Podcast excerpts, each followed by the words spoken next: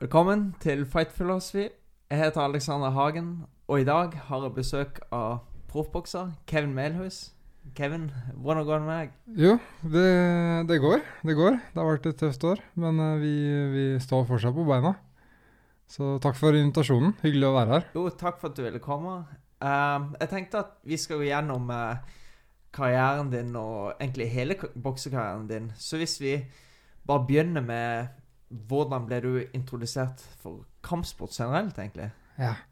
Det var eh, Altså, fra jeg var fem år, så har jeg alltid vært sånn fascinert av eh, kampsportfilmer. Spesielt fra Jackie Chan, eh, kinesiske gamle kung fu-filmer. Jeg var satt som femåring og så på disse filmene, og ble på en måte helt oppslukt av, av det. Eh, Jet Li, eh, selvfølgelig også Rocky-filmene. Eh, Mm.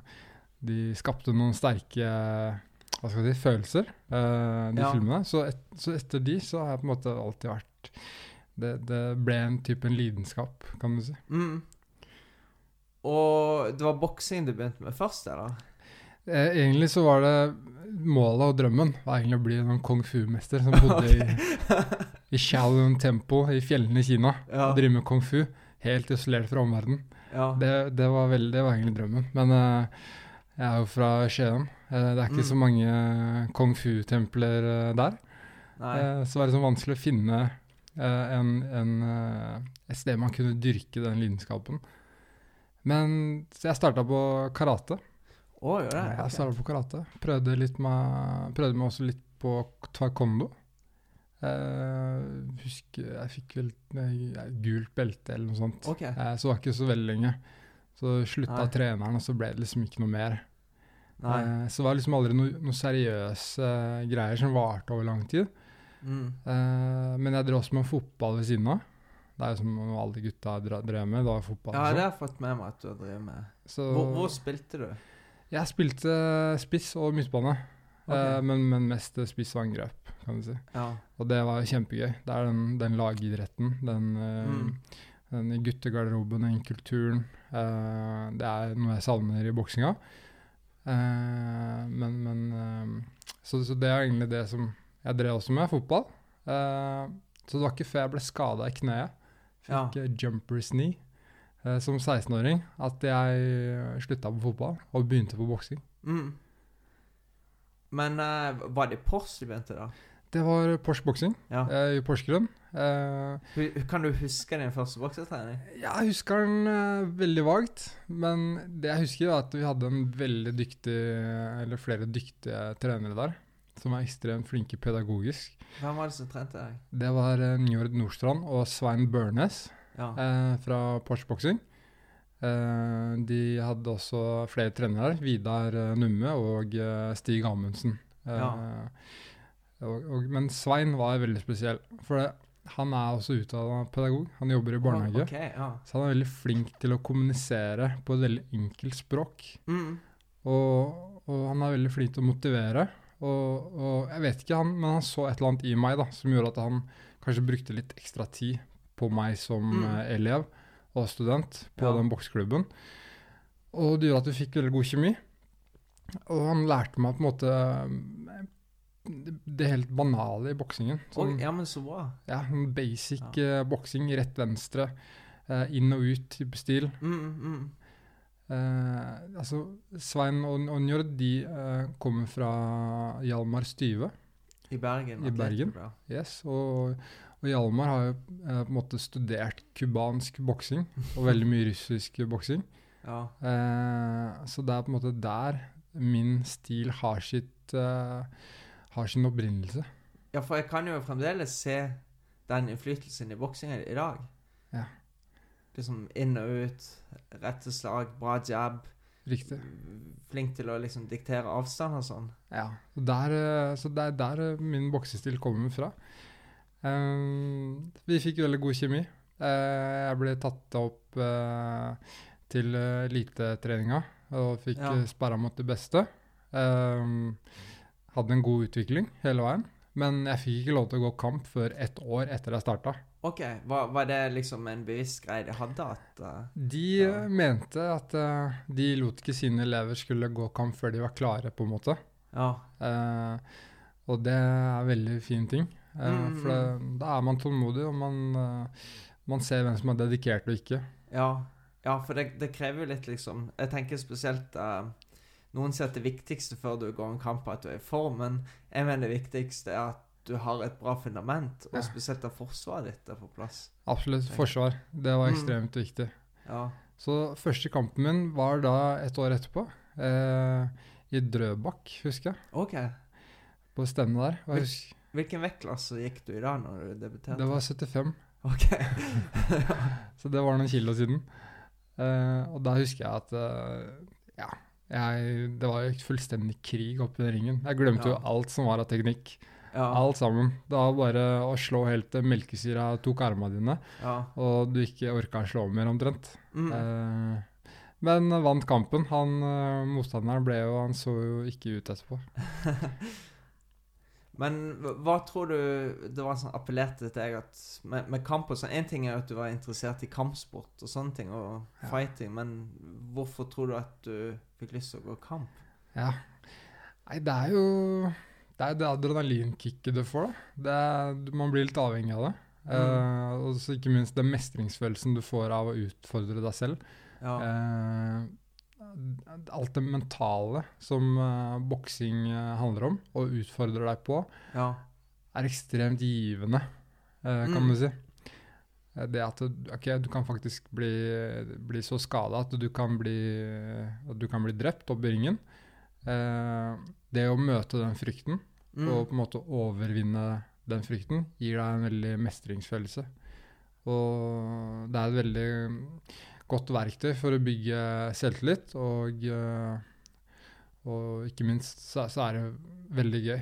Mm. Men eh, selvfølgelig, nervene før kamp, eh, den spenningen i kroppen Det er noe vi alle boksere og alle utøvere i boksing har kjent på. Eh, det å ikke få sove natta før, Ja. eh, den skjelvinga eh, Altså hele den psykologiske psykologiske dramaturgien som, som, eh, som kommer da, som følge av en kamp, er eh, en stor psykisk påkjenning, men som, som også er en, en egen kamp i seg selv. Da, som man skal Mm, mm. lære å overvinne og, Ja. og mestre. Og det er vel det du òg kjente, at det var deilig å kjenne at det var veldig stressa, men så klarte det likevel, liksom. Akkurat det. Selv om du kanskje ikke har lyst i det hele tatt, så Ja. går du inn liksom og gjør det du skal gjøre. Ja, og det, og det er jo på en måte en indre reise som er veldig personlig. Mm. Det er en personlig indre reise som handler mye mer om bare det å vinne en kamp. For det handler om å vinne de utfordringene man selv har. Det handler Ja. om å nå sine mål. Det handler om å Etter mye motgang, etter mye slit, så, så, så klarer du å, komme deg over den terskelen. Hvor du Mm. Faen meg, du, du mestra det. Du klarte det. Og, og du vant. Mm. Og da, i, Ja, for vi snakka om det her tidligere. I 2009 så møttes jo vi i NM-finalen her i Oslo.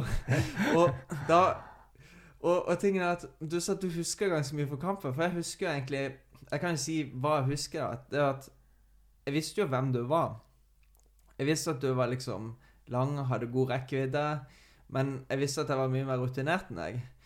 Og så Men egentlig det eneste du husker liksom fra kampen Eller er egentlig ikke noe fra kampen, men jeg husker at på vei inn i ringen, så var det Før så hadde sånn uh, computerscoren, liksom. Så var det sånn fem, fem uh, dommere satt der, og innen 1,2 sekunder og så måtte tre av de trykke på en sånn eh, knapp da for at, for at det skulle bli registrert som et treff.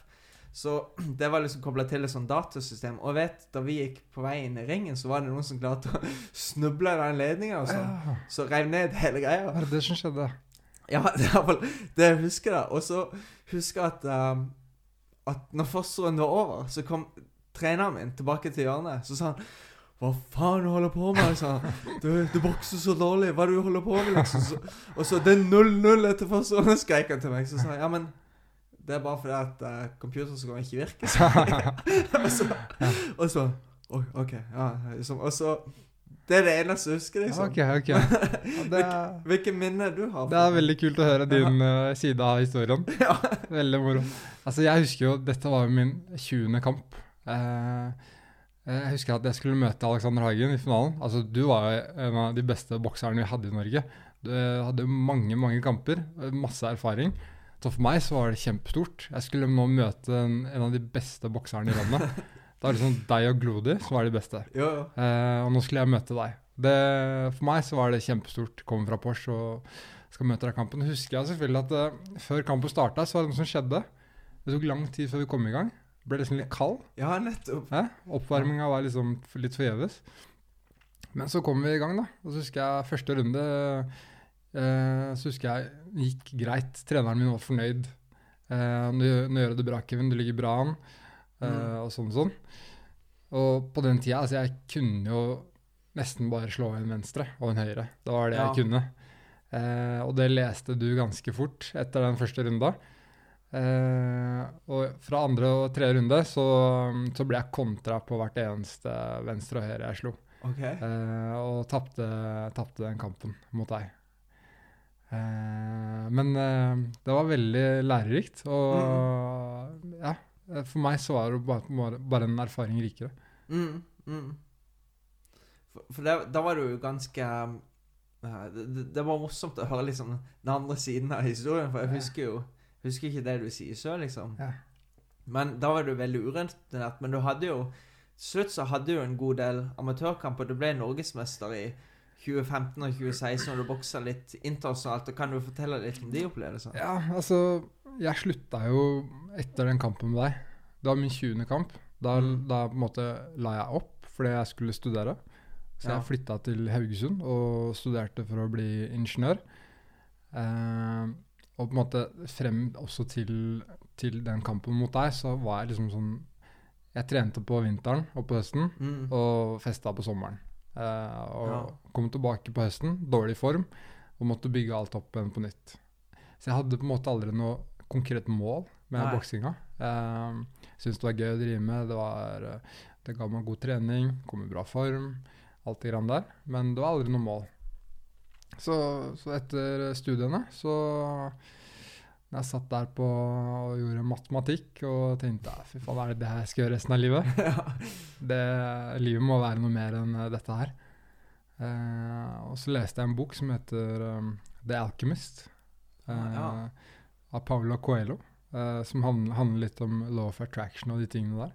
Viktigheten av å sette seg mål, store drømmer, og, og hvordan du kan, kan oppnå det da, ved å Mm. ha troen og jobbe veldig hardt. Eh, så i studietida så, så satte jeg meg det målet at jeg skulle bli norgesmester og bli profesjonell eh, bokser. Mm. Og kunne leve av det. Det var egentlig målet. Og dette var jo en tiden Cecilia Brekkhus gjorde det bra i utlandet. Hun hadde blitt verdensmester. Og det var litt sånn i media om at ja, nå kommer kanskje boksing tilbake til Norge Mm. eh, for første gang på over 30 år. Og eh, eh, Så jeg begynte å liksom visualisere meg tiden etter studiene. Ja. At jeg kan drive med boksing. Og planla uh, fremtiden. Uh, så rett etter skolen flytta jeg til Kristiansand. For der visste jeg at Glodi eneste bodde og trente.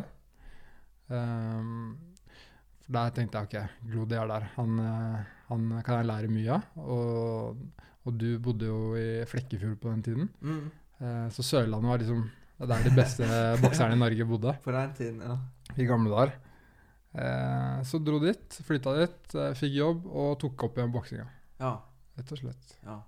Og hvil, hvilket år var det her da du kom tilbake? Det var i 20 Ti år, da? 20, 20, 2012? 2012? Ja, ok, ja. 2012.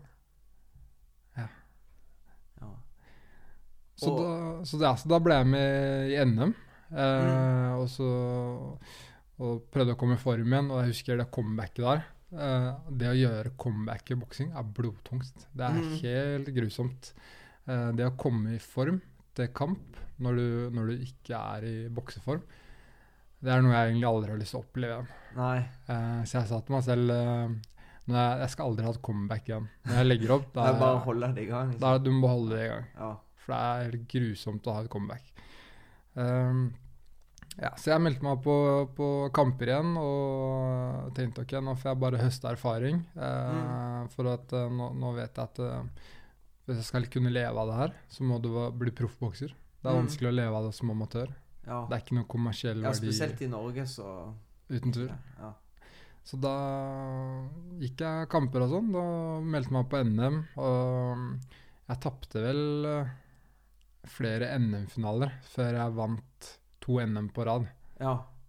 Uh, selv om det var helt jevnt, så, så, så vant jeg til slutt, da. Mm, mm. Ja. For uh, når, når var du kommet til Oslo og Oslo Bossklubb? Jeg flytta til Oslo i 2014. Ja. Ja. For da fikk jo vi på en måte en slags gjenforening igjen på Oslo Bossklubb. Ja, det gjorde vi. Trente mye sammen. Trente mye sammen og fikk sperra sammen. Og, Mm. Og du lærte meg flere ting. Eh, spesielt dette med avstand. Ja. Eh, husker jeg du Ja. lærte meg ikke lene, ikke, ikke lene seg for mye inn på jabben, Mm. men bare strekke ut jabben. Ja. Eh, ja, så det har vært en fin reise. Mm. For, og så ble du jo, som du sa norgesmester i eh, 2015 og 2016. Og så hadde jo du Det er nok den mest uh, Mest eh, Hva skal jeg si Fantastiske debuten en nordmann har fått uh, som profesjonell bokser. For 1.10.2016 så debuterte du som proff, men kan du bare fortelle litt om liksom Hvordan fikk du kontakt med Cecilia? Hvordan ble det sånn at du skulle debutere på det stevnet? Ja. Eh, da må, det er litt tilbake til studietiden din. Den, den boka jeg leste om The Alchemist, Law of Attraction, det å ha drømmer og mål. Eh, så husker jeg at eh, jeg planla på en måte at eh, jeg skal eh, drive med proffboksing. Og jeg visste jo at Cecilia Brekkhus var bak kulissene her og jobba mot å arrangere stevne. Mm. Eh, så jeg tok bare kontakt veldig tidlig og, og la frem en, en videosnutt av en kamp jeg hadde gått. Uh, jeg lagde også en promovideo av meg Ja. selv og sendte inn til uh, hennes manager på den tiden, som var Rune Brynildsen. Ja. Uh, Rune ble jo imponert av, av det og sendte det videre til resten av teamet og Cecilia Brekkhus. De syntes dette var fett og tenkte at ja, han her vil jeg gjerne høre og snakke litt mer med. Ble kalt inn på et intervju. Og eh, landa rett og slett eh, den, den avtalen her. Eh, jeg visste vel egentlig ikke kanskje hvor stort det eventet og det Jeg tror ingen egentlig var liksom forberedt på Nei. hvor stort det egentlig ble. Nei, det hadde jeg ingen anelse om. Eh, jeg ville bare gå en proffkamp og ha Mm. en promotor som kunne backe karrieren min videre. Ja. Eh, så det var jo det var jo Så det var egentlig inngangen til den kampen. Mm. Ja, for kampen gikk jo mot tyske Christian Dulls, husker jeg. Og du vant på knockout i andre runde. Og jeg, sa, jeg, jeg vet ikke om du er klar over det, men jeg, jeg satt jo ringside og så kampen. For jeg var med på Kampen ble jo liksom sendt på NRK P1, så var jeg med og kommenterte Ja, det. Sammen med Anders Øfsti. Ja, så jeg satt jo Ja. helt ringside og så det. Og Michael Buffer var der, og hele greia, liksom. Det var jo helt utrolig. Men kan du fortelle litt om hvilken, hvordan var følelsen da du gikk inn i ringen, og hvordan var det å bli introdusert av Michael Buffer, og hele opplevelsen? Hvordan var det egentlig? Ja. Eh, altså fra, fra mitt perspektiv eh, så er jeg på en måte jeg inne i bobla. Jeg skal gå kamp, og jeg skal vinne den kampen. Eh, og jeg skal også lage et bra show. Eh, Mm. så, så alle de inntrykkene fra, fra kampen, de fikk jeg ikke før senere. Eh, men jeg husker jo det når jeg gikk inn og eh, skulle Altså rett før du går inn i arenaen, så står det liksom bak en lukket uh, garasjevegg, på en måte. Mm. Uh, og du bare hører så mye støy og rop og hyl ut fra stadion. Og så husker jeg at wow, jeg, jeg så sånn en liten glippe mellom de gardinene. Så bare så jeg hvor stort Spektrum var. Jeg hadde jo aldri vært i Spektrum før. ikke sant? Nei. Uh, og jeg bare shit, ass. Jeg kan ikke se på det greiene her når jeg går ut. Så jeg dro over hetta og kikka bare ned i gulvet. For å på en Mm. måte klare å beholde roen. Så Hvis ikke så hadde ting blitt altfor overveldende. Ja. Uh, for når du ser utover Spektrum der, og du ser alle folka, du kan plutselig se noen kjente. Statsministeren sitter ringside, du har kulturministeren, du har hele kjendiseliten. Masse TV-kameraer. Mm. For en amatørbokser så er jo dette her eh, Det er ikke normale, normale forhold, kan Nei, du si. Nei, du kan liksom ikke forberede deg på det. Nei. Så målet mitt var egentlig bare å kikke ned i gulvet. Eh, prøve å konsentrere meg på, på kampen og det jeg skulle gjøre. Mm. Eh, og stenge ute alle de inntrykkene eh, fra Ja. Spektrum. Så eh, selvfølgelig, når Michael Buffer eh, Når du hører Michael Buffer sier det han sier, så var også fokuset mitt bare, ja, bare stenge det ute. Stenge det ute. Ja. Viktigste for meg. Altfor mye å ta inn over seg. Så jeg måtte vinne den kampen. Jeg måtte levere. Og det var det viktigste og eneste som gjaldt for meg. Ja. For jeg, jeg vet at både jeg og du går jo til um, Johnny Carlsen på Oslo Boksklubb og kjører mye sånn mental trening og visualisering. Og jeg vet at du gjorde ganske mye av det i forkant av den kampen. Kan du si hva dere spesifikt gjorde, og hvordan det hjalp deg? Ja, det, den visualiseringa vi har hatt med Jonny, den, den, var den var ekstremt viktig. Den var like viktig som den fysiske delen av treningen. For det, det som eh, den visualiseringa gjør, er at man eh, To-tre måneder i forkant så begynner vi å visualisere oss hvordan eh, den kampen skal være. Mm. Og da prøver vi også å visualisere oss alle de sanseinntrykkene som kommer. Dvs. Si støy fra publikum, TV-kameraer i ansiktet eh, osv. Og eh, eh, dette gjorde vi hver eneste uke. Og gikk gjennom eh, detaljer på denne visualiseringen. Mm. Og det gjør at den, den dagen du faktisk er der, den dagen jeg var i Spektrum, så hadde jeg på en måte vært der litt flere ganger før. Ja. Så de sanseinntrykkene som oppstår, klarte man liksom å holde litt mer på ja. avstand. For det var på en måte ikke nytt for deg, for du hadde liksom erfart det så mange ganger i visualiseringa. Riktig. I drømmene, i hodet, i tankene. Ja.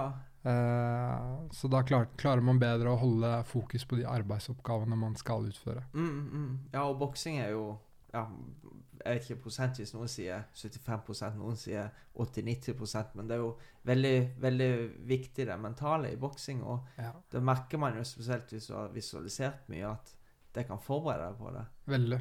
Og det er visualisering Se på alpint, eksempel. Eh, Lasse Kjus og de gutta der, de, de visualiserer jo seg hele den slalåmløypa de skal gå. Mm. Hver eneste sving. Eh, fart, de føler tyng, tyngdeoverføringen eh, rett før de skal gå, gå utafor. Og samme er det i boksing. Eh, jo mer realistisk du kan visualisere deg, bevegelsene, slagene, unnvikelsene, Mm. eh, pusten din, alle de tingene der, jo bedre forberedt er du i kamp. da.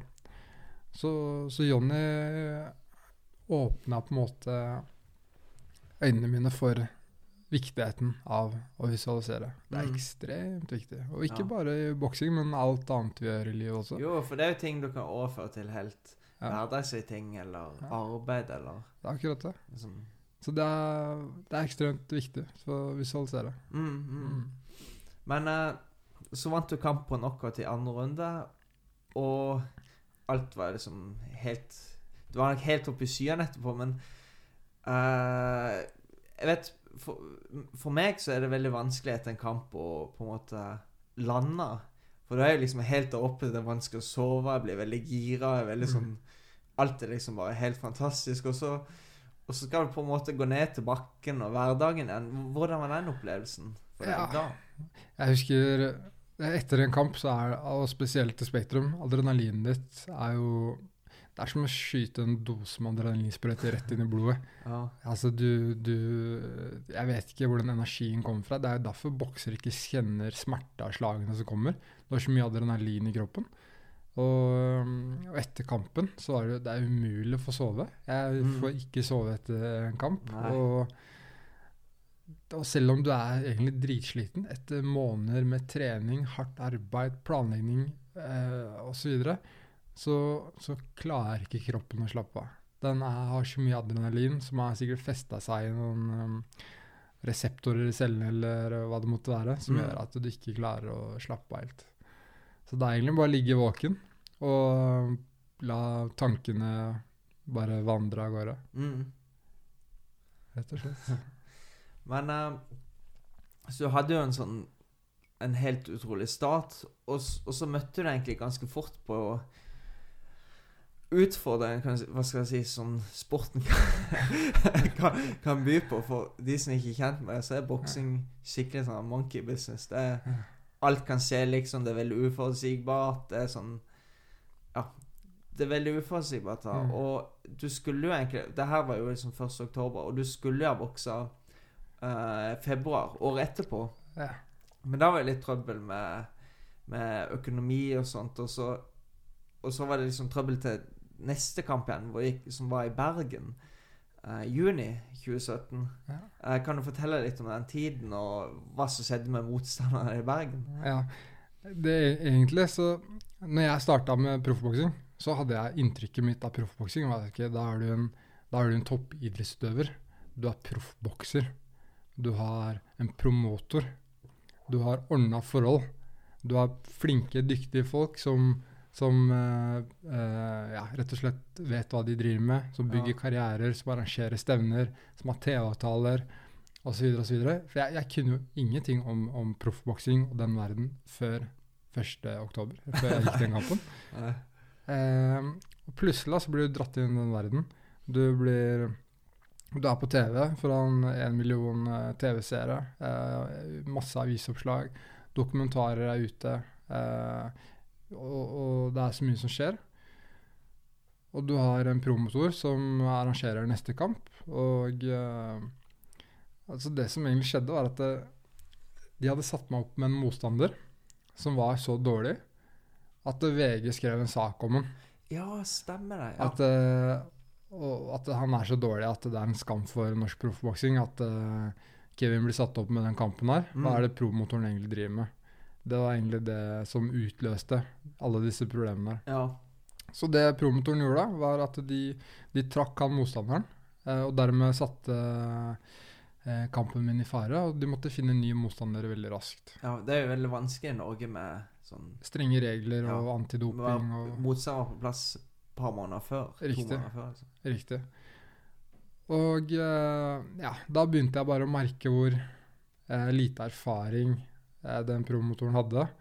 Og eh, så begynte man jo å se at okay, disse her er jo ikke ute etter å ta vare på deg som, som utøver, rett og slett. De skal tjene penger. De skal tjene mest mulig penger. Og, og de, de har ikke peiling på det de driver med. Så da begynte jeg å tenke ok, jeg må, jeg kan gjøre bedre sjøl. det hadde vært kult å arrangere et eget stevne, tenkte jeg da. Mm. Så da begynte de tankene å komme. Ja. Men det var ikke så lett, for jeg hadde jo signert selvfølgelig en toårskontrakt med, Ja. med promotorselskapet. Og, og for å komme ut av den, da, så, så, så fikk jeg en mulighet hvor jeg kunne si at jeg skulle bokse gratis på, på stevne i Bergen, Mm. mot at jeg slapp unna den opsjonen på ett år som de hadde. ja.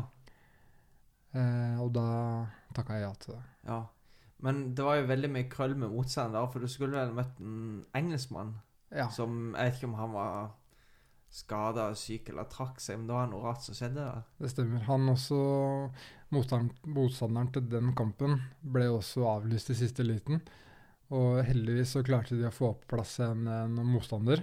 Eh, Ja. Men det var på en måte også i siste liten, veldig amatørmessig. Ja. Og eh, hele ram, alle rammene rundt eh, det du ser bak kamera, var veldig amatørmessig. Mm. ja, for om, om du måtte skaffe deg motstanderen sjøl Ja, jeg måtte Ja. iallfall jobbe for det. Og Mm, ja. jeg, jeg tror jeg kontakta den svenske landslagstreneren.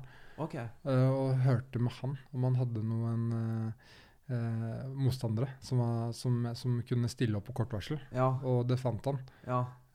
Så det var jo bare flaks at ja for, hvor kort varsel var det?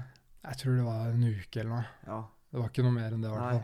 For mange tenker jo ofte sånn Ja, men hvis han har bare hatt én uke på å trene, så er det det blir det lett match. Men samtidig så har du bare én uke med veldig mye styr og nye forandringer, nye motstander, nye ting du må tilpasse deg til.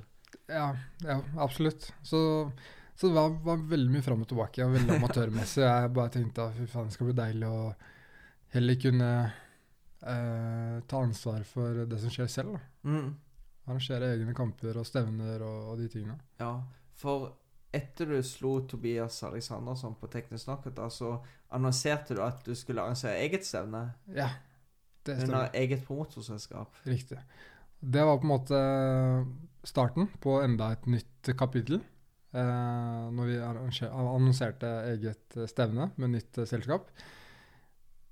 Det var jo starten på en, også en veldig turbulent reise, kan du trygt si. Ja. Eh, men selvfølgelig også veldig spennende, og vi har fått til utrolig mye.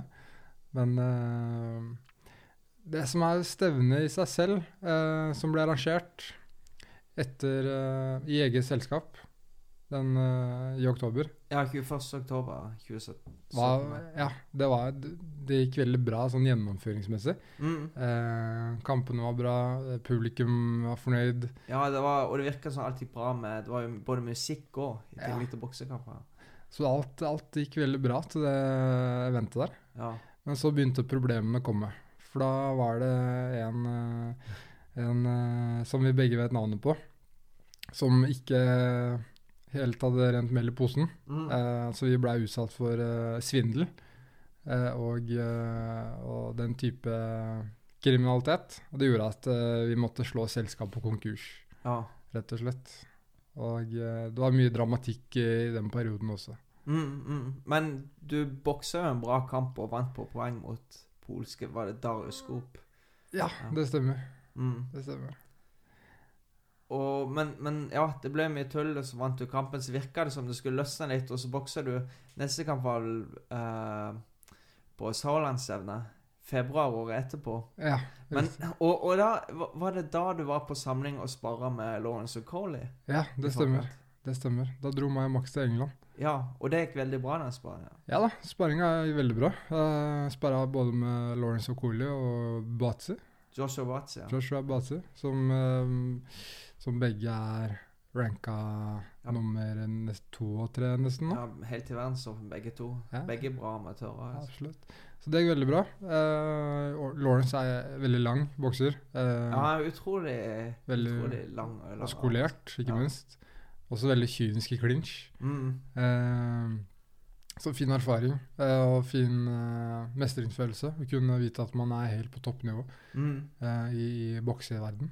Um, men ja, ja, stemmer det. Ja, og så møtte du ungarsk Isvan Køhn, som du slo på poeng, men du fikk en mye tøffere kamp enn du kanskje ja, på papiret skulle ha hatt, da. For du pådro deg, noe sykdom i Ja. forkant og var syk under kampen. Og, men hvordan var det å bokse Ja. når du følte det sånn? Jeg fikk jo influensa eh, sånn eh, et par uker før kampen.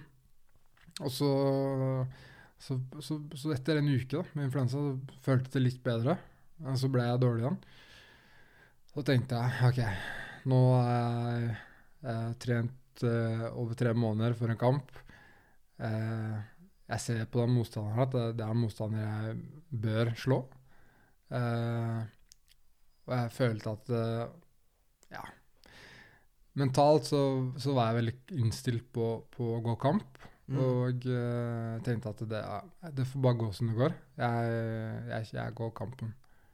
Eh, det som er når det går kamp med influensa, eller noe, noe sykdom i kroppen, syk, så fungerer jo ikke Systemet fungerer rett og slett ikke. Du blir helt utmatta ekstremt tidlig. Mm. Uh, så etter første runde så var jeg helt kjørt. Ja. Og det er et problem når det er fem runder igjen. Mm. Og Og, og folk tenker liksom Ja, men 603 minutter Det er liksom ikke så lenge, men liksom Bare én runde i ring hvis du føler ting ikke liksom er helt 100, så er det utrolig lenge, og det er veldig slitsomt. Ja, det er ekstremt slitsomt. Og jeg husker jeg pissa i blod etterpå. Oh, Ja, det pissa i blod, og det var eh, en tung, slitsom kamp. Jeg må huske jeg måtte Jeg, var så, jeg fikk jo ikke løfte armene, jeg var så sliten. Uh, og jeg ville heller ta imot slag enn å, enn å løfte opp armene. For jeg Mm, måtte mm. spare de til de to siste rundene for å Ja. vinne kampen. Ja. Så sånn, det å være i en, en kamp, da, når du må ta sånne strategiske valg Det er jo en veldig fin erfaring å ha med seg. Mm. Men, uh, men det er ikke noe jeg anbefaler, altså. Nei. Absolutt ikke. Nei. Nei, og du vant jo kampen på poeng, og så Neste kamp ble jo uh, i mai samme år på uh, Skur 13 på Aker Brygge. Eh, hvor jeg fikk min debut for uh, Melhus Promotions. Og da møtte du ukrainske Ivan Lystja. Ja, stemmer. du, vant på poeng. Kan du fortelle litt om den kampen og hele stevnet? og- Ja, stemmer. Det var jo andre stevne vi arrangerte i, i, på SKU 13, Aker Brygge i Oslo. Eh, kjempebra event. Dette var en varm sommerdag i mai. 26. mai. Det var vel noen 30 varmegrader ute. Ja, jeg Eh, husker det var veldig, veldig varmt den dagen. Ekstremt varmt den sommeren der. Ja. Og eh, ja, jeg husker i pausene så gikk jo publikum ut bare for å få seg med luft. Ja. så kom de inn igjen til kampen. Eh, nei, kampen eh, gikk egentlig eh, greit. Jeg, jeg boksa den kampen mer eh, for å gi publikum et show. Mm. Og det det er jo selvfølgelig Når du arrangerer et eget stevne, så vil du at også folk skal være fornøyd, og folk skal eh, ha et kult show. ikke sant? ja. Eh, jeg vant på poeng. Hadde håpa at jeg skulle vinne på knockout, men ja. Jeg eh, tror han ble stoppa veldig få ganger, altså. han var veldig seig. Altså. Jeg er overraska at han holdt ut Ja. uh, så lenge. Men uh, ja, ikke den uh, Ikke den kampen Det er ikke en kamp jeg er veldig stolt av, sånn teknisk strategisk. eh, men, eh, men jeg fikk jo særen i land. Jo. Nei, det er jo ikke alle motstandere man klarer liksom å se sånn Ja, altså, tekstbok eh, bra ut. Ikke sant? Ja. akkurat det. Og så ble det enda et enn This Is My House 2, i Skien. Da Ja. møtte du en svenske som Ja. du slo på teknisk snakket eh, Marcus Alberts. Marcus Albert, ja. Stemmer.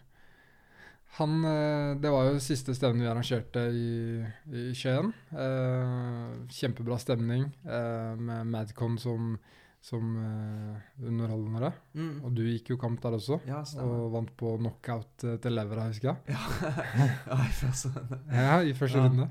Eh, nei, Markus var, var en publikumsvennlig kamp. Mm. Eh, der gikk det slag begge veier, og det var rett og slett eh, Jeg tror det var en veldig underholdende kamp. Han Mm. eh, Jeg traff han vel i Jeg husker ikke hvilken runde det var, men eh, med et par gode treffere. Og så så jeg at han, øynene hans forsvant litt. Ja. Men jeg tror ikke dommeren fikk det helt med seg. Eh, så jeg tenkte at oi, shit. Det er jo bedre at jeg det er, det er bedre at jeg stopper det sjøl, enn at uh, ja, ja, for husker du signaliserte til dommeren, da? ja. Jeg prøvde å signalisere til dommeren at jeg, nå må du stoppe kampen, dommer. Men han så det ikke, han ville ikke høre. Nei, nei. Så jeg måtte slå litt mer på han, for Ja. at dommeren skulle faktisk gripe inn. Uh, så, så da slo jeg litt mer, og så grep dommeren inn til slutt. Ja. Uh, men det kunne jo bli stygt dersom Jo, dommeren ha- du, fikk, fikk du ikke noen reaksjoner fra noen folk i etterkant? Eller hva, hva syns liksom Fikk du Ja. noe sånn Hva syns folk om at du Nei, liksom de, signaliserte dommeren? det jeg hørte, er bra at du, det står respekt at du, du stoppa kampen. Mm. Uh, det, det handler bare om at vi er jo, selv om vi driver med boksing og slår på hverandre, så ønsker vi ikke å skade Nei, motstanderen det vår. er ikke det noen går inn for. liksom. Absolutt ikke. Nei. Eh, vi ønsker at begge skal komme ut derfra med helsa i behold, Mm. eh, men samtidig så ønsker vi å vinne kampen. Mm. Så når jeg vet at jeg allerede har vunnet, vunnet kampen, så har ikke jeg noe behov for å skade motstanderen mer. Og jeg tror Nei. at eh, publikum, eh, selv om de liker blod og sånn, så er det ikke så veldig eh, Ja, det er ikke Jeg vet ikke. Noen, eh, det er forskjell, forskjellige meninger folk har, da. Men, jo, Jo, jo. Ja. Ja. Nei, og så Liksom Begge oss skulle jo på en måte gått kamp um, Det her blir eh, juni 2019. Så skulle vi gått kamp i Bracknell, som er en forstad til London. Det er sånn Vi reklamerte vel for ja, vi boksekamp i London, men det var, var litt utafor London, da. Men uh, det er iallfall Ja, et fint sted i England, og alt var liksom på plass. Du hadde kommet i kontakt med en sånn russisk eh, promotor og matchmaker som du hadde hatt kontakt med, og alt virka jo helt på stell. Det skulle gå på Hvem var det som skulle sende det? Vi hadde jo TV-avtale med Viasat. Ja, det var Viasat som skulle vise det. Ja. så Nei, så jeg kan jo si at hvis du forteller mer om det Men stevnet ble jo avlyst rett før. Ja. Det, det der var Det, det, det var dråpen eh, når det kommer til min promotorkarriere. altså Alt var på stell. Eh, stevnet så bra ut. Vi hadde fått hotell, vi hadde fått uh, veid inn, vi hadde møtt motstanderne, vi hadde Mm. vært på legesjekk, helsesjekk. Vi hadde flydd ned svært team fra Norge, til og med med supportere hadde kommet. Ja. Ehm, vi, alt var på stell. Så husker jeg, jeg jeg gikk jo en av de siste kampene. Så jeg ble jo igjen på hotellet. uh, mens dere andre reiste ned litt tidligere på dagen for å gjøre dere klar til kamp.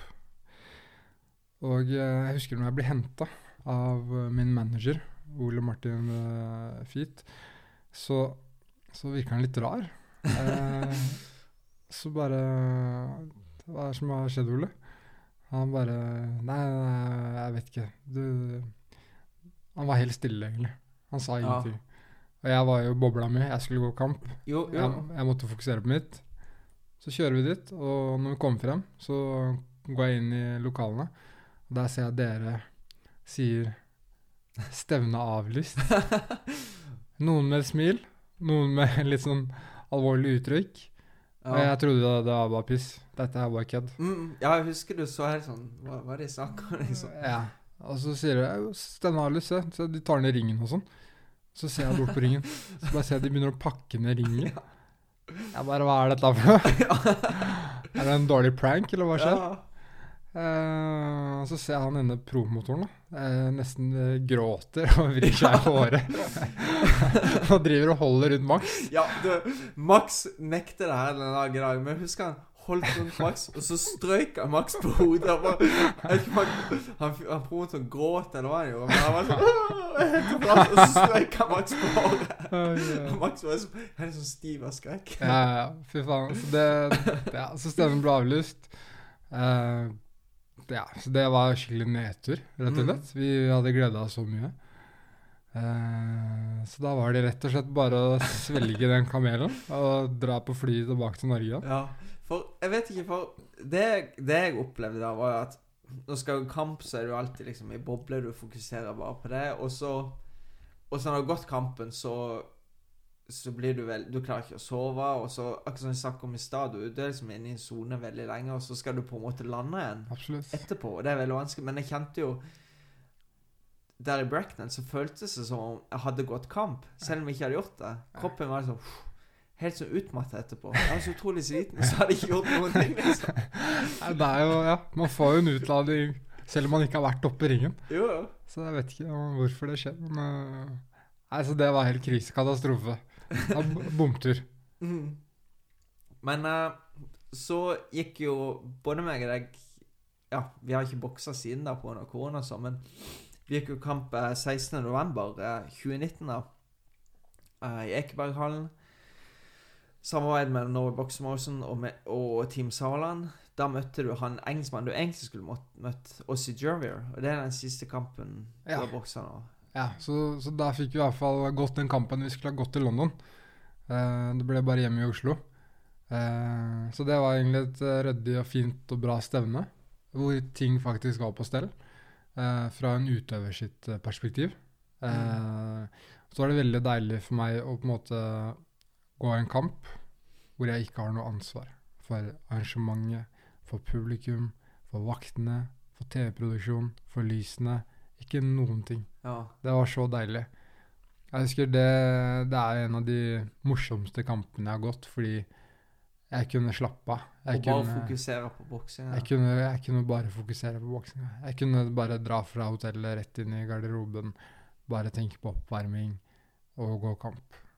Og Mm. det var um, den siste kampen uh, Nå har det jo, som du sa, ikke vært noe pga. korona og alt det grann der, men det var jo veldig behagelig opplevelse kontra det jeg er vant til. Mm, mm. Mm.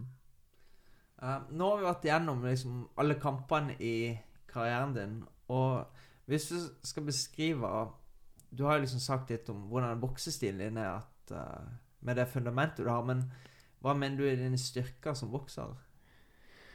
Ja, styrker som bokser Det er jo selvfølgelig hurtighet, eh, blikk, jab, bevegelse. Mm. Mm. Reflekser. Ja. Det er vel de tingene jeg kan trekke fram. Eh, Mm. alt kan bli mye bedre. Eh, men ja, det er de, det er de, det er de eh, punktene jeg ville trukket frem. da. ja. Jeg vet ikke om du Jo, Det er fra jeg, mitt perspektiv. ja, men jeg er jo helt enig. Okay. Jeg har jo sett liksom For jeg har jo Ja, i og med at vi har boksa sammen og vi har spara mye sammen i mange år, så det er jo veldig mye mer vanskeligere Veldig mye vanskeligere å spare med nå enn tidligere. Og det er jo ekkelt med For du er litt høyere enn meg, og det er på en måte greit nok, men du har utrolig lang rekkevidde.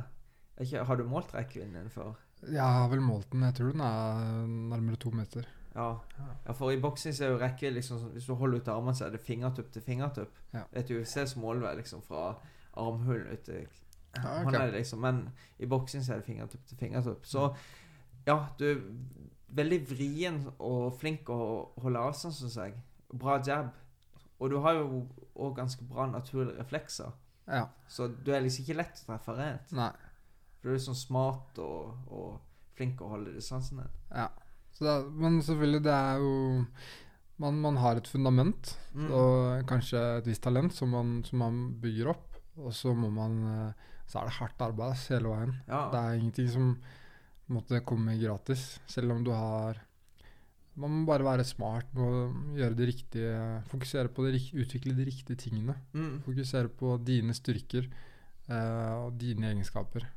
Uh, så det har vært hardt arbeid med å få frem uh, jabben, få frem eh, den defensive delen og, de tingene. Mm. Men har du noen bokser som inspirerer deg? Ja, absolutt. Eh, helt uten tvil uh, Usyk er Usyk er ekstremt eh, smart, klok. Uh, har en veldig klok boksestil. eh, Mm. Hvor han, hvor han eh, Det er kanskje ikke den mest underholdende bokseren å se på fra et, for et utrent øye. Altså for Mm. uh, mannen i ga- gata. Som ikke forstår alt det tekniske? Riktig.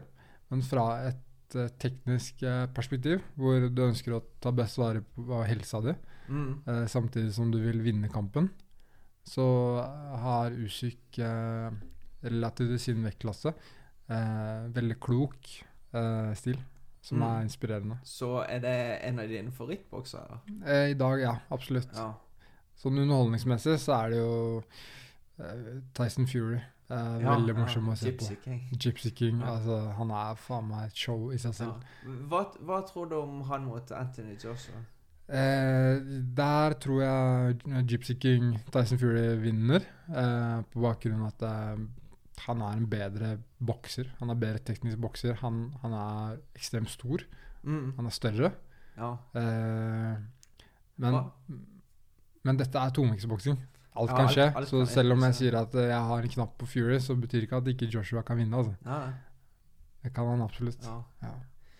Og så har jeg jo fått noen sånne eh, Noen spørsmål fra Fra de som hører på podkasten. Og først skal vi begynne med at cruiservekt er jo liksom Det er kanskje den vektklassen i Norge med flest proffboksere. Du har jo deg, du har Kent Erik Båstad, du har Simen Nysæter og Kai Robin Havner. Og Havner er kanskje den som er mest uh, Han er vel den som har flest Jeg sier ikke han er den som er den beste bokseren.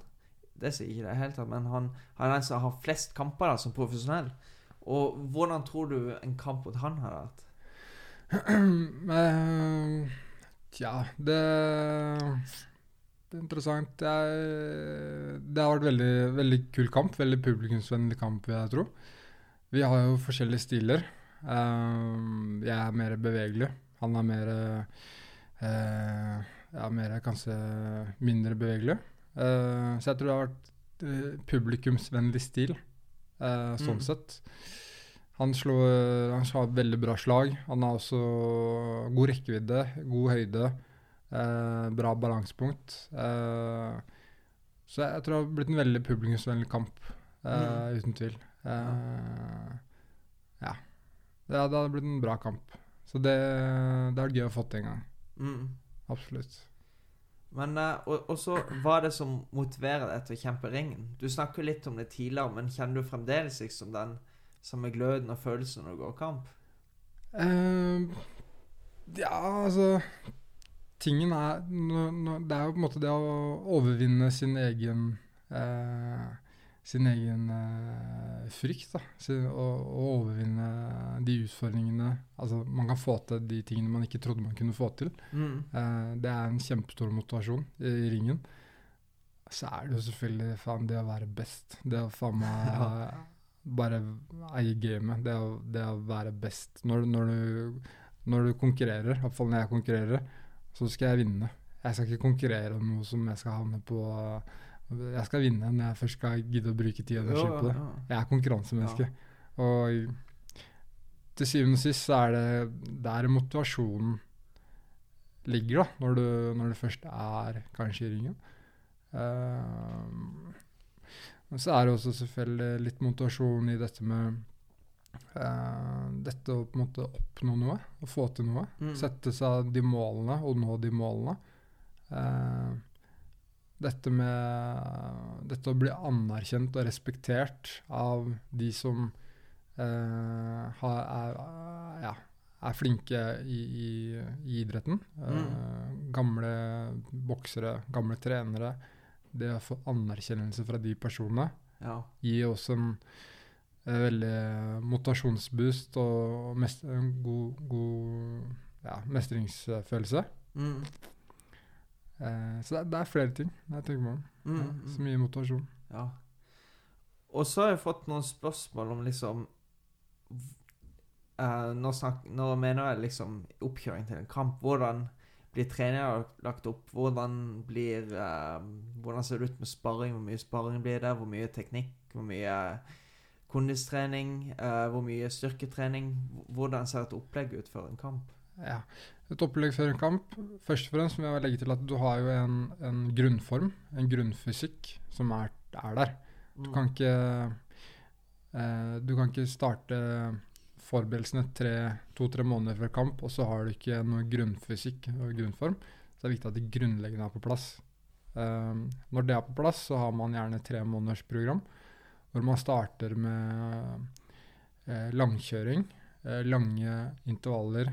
Um, det vil si at du, ja, du, du løp, presser kroppen ganske hardt. da.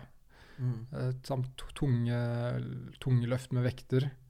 Eh, du kan også kjøre high intensity training, eh, litt sånn crossfit-aktig. Eh, og så blir det eh, litt kortere intervaller eh, i, i måned to, hvor vi kjører også tunge vekter, men vi kjører veldig færre repetisjoner for Mm. å få ut eksplosiviteten. Eh, og så siste måned før kamp starter vi med sparringa. Og da, da har vi gjerne tre, ja, to til tre uker med sparring, hvor vi går ganske hardt. Da går vi kampsparring. Og min erfaring er at sparringen er mye tøffere enn selve kampene. Ja. Eh, mye, mye tøffere. Eh, så det betyr at når du først kommer i kampen, så skal du være så, da er du ganske herda. Eh, og eh, så jevnt, jevnt utover de tre månedene så har vi også teknikktrening i boksing, da. Hvor vi også jobber med strategi. Mm. En vanlig dag er eh, at du har to økter om dagen. En hard økt og en lettere økt. Så varierer det om den harde økta er en hard kondisjonsøkt hvor du løper, en hard vekt, eh, styrkeøkt hvor du løfter vekter, eller en hard bokseøkt. Mm. Det kan variere eh, ut fra programmet. Men ja, det, er- det er sånn kort fortalt da, Ja. hvordan vi legger det opp. Ja. Og så egentlig helt til slutt her uh, Fremtidige planer og mål. Fremtidige planer er jo å nå Altså nå har vi har jo Vil jo si at jeg har, det har vært veldig gøy reise hittil. Og vi har jo fått til veldig mye. Vi er, vi har Målet har jo vært alltid å, å bli så god som man kan bli. Mm. Å bygge opp norsk proffboksing. Vi har jo klart å få syv norske boksere til å debutere som proff via eh, de eventene vi har laget. Vi har eh, gjort eh, vår del, vil jeg si, når det kommer til dette å skape entusiasme og, og bygge sport med Norge. Så veien videre nå blir å ha mer fokus, fokus på egen karriere og, og fortsette å bygge opp den. Og veien videre der blir jo selvfølgelig etter hvert å, å få, få noen norske oppgjør. da. At vi, Mm. vi kan få noen norske oppgjør, eh, fylle noen store arenaer, ta hjem noen eh, belter her til Norge. Eh, så et av de kortsiktige målene blir bl.a. kanskje å fylle Jordal Amfi, den nye arenaen ja. som har kommet der. Utrolig fint. Ja. Så det er vel eh, det jeg sikter mot nå, å fylle Jordal Amfi. Mm. Ja. Så et um, Nå er det jo veldig vanskelig å få til noe pga. korona, men hva ser du for deg ser når det blir lettere å arrangere stevne her i Norge? Hva, hva håper du på å se da i karrieren din? Ja, nei, Først og fremst så håper jeg at vi får til et arrangement i Norge nå straks korona rett og slett uh, har roa seg litt ned. Uh, da, da må vi få arrangert et nytt stevne her. Og så skal vi bokse litt i utlandet også. Uh, få gått noen kamper. Eh, så er jo norsk altså Proffboksing generelt er en veldig uforutsigbar eh, bransje. ja, Eh, det har jeg hørt nå. vi må nesten ta én kamp om gangen. Ja. Eh, men fokus fokuset må alltid være på, på å utvikle seg hver eneste dag og bli så god som man kan bli. Og eh, ja, og ha troa Mm. at eh, ja, det vil bringe bære frukter. da. ja. Nei, eh, jeg vil takke så mye for praten. Takk i like måte. Tusen takk for at du kom. Det var en veldig kul historie å dele. Eh, dere som hører på eller ser på, husk å abonnere på YouTube. Ta oss og Følg på Google, Apple, Spotify, alt det der. Så ses vi snart.